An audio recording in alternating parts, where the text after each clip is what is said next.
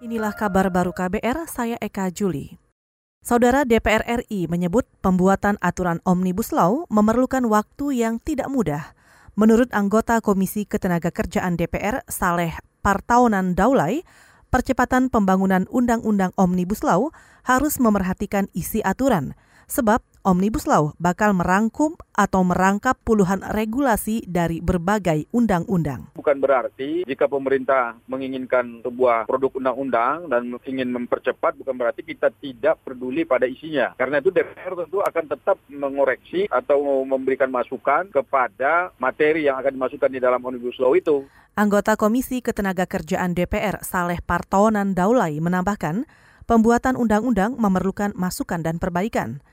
Presiden Joko Widodo meminta DPR segera menindaklanjuti rencana pemerintah merevisi puluhan undang-undang menjadi satu undang-undang alias Omnibus Law.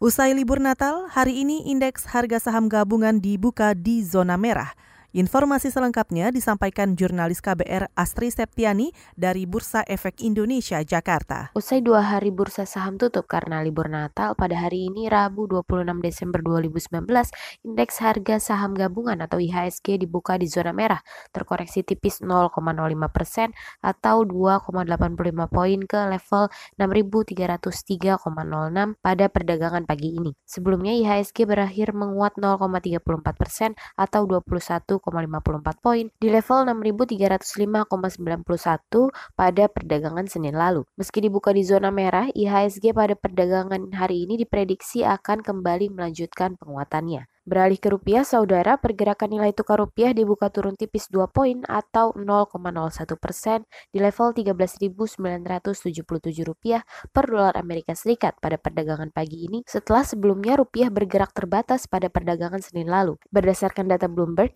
pada Senin lalu rupiah ditutup di level 13.979 rupiah per dolar Amerika Serikat melemah tipis 1 poin atau 0,01 persen dari perdagangan sebelumnya. Untuk hari ini rupiah juga diprediksikan berpotensi masih melanjutkan pelemahannya. Demikian yang dapat saya laporkan dari Bursa Efek Indonesia, Astri Septiani, KBR.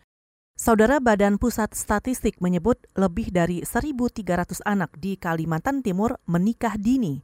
Kepala Dinas Perlindungan Anak Provinsi Kaltim, Halda Arsyad menjelaskan, perkawinan anak dipengaruhi beberapa faktor, antara lain kemiskinan, pendidikan yang terbatas, budaya yang mengikat, dan perubahan tata nilai dalam masyarakat. Sementara itu terdapat alasan pelarangan pernikahan dini, yakni perkawinan anak menjadi penyebab tingginya angka perceraian. Selanjutnya akan muncul kekerasan dalam rumah tangga. Dan tak hanya itu, Halda juga menyebut pernikahan dini menyebabkan tingginya angka kematian ibu. Saudara, seorang pastor di Gereja Maria Ratu Damai Banyuwangi, Jawa Timur Tiburtius Catur Wibawa membangun sebuah musola untuk tempat ibadah umat Islam di Gria Ekologi Kelir. Menurut Tiburtius, ia membangun musola karena banyak orang yang berkunjung ke Gria Ekologi Kelir dan menanyakan tempat untuk sholat.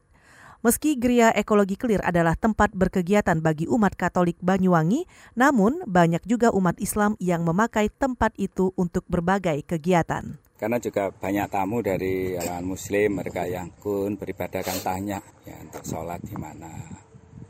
Ya untuk kadang mereka ya waktu itu ya di kamar lalu berjamaah jumlahnya hanya 10 apa ya biasanya di ruang kosong di aula. Kami merasa bahwa mereka butuh untuk yang lebih nyaman. Kemudian juga saya memandang bahwa ya kita semua sama berkaitan dengan yang di hadapan Tuhan kan sama Pastor Tibur Tius Catur Wibawa menambahkan, selain membangun musola, dia juga berencana akan membangun tempat ibadah agama lain di lokasi ini, seperti pura untuk umat Hindu, wihara untuk Buddha, dan tempat ibadah agama lainnya yang ada di Indonesia.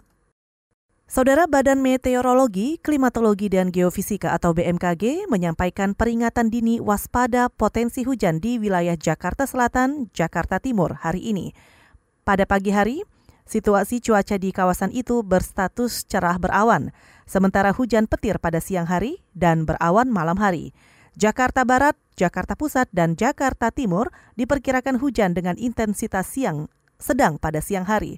Sementara itu sejumlah wilayah terpantau berawan, di antaranya di Jawa Tengah dan Jawa Barat.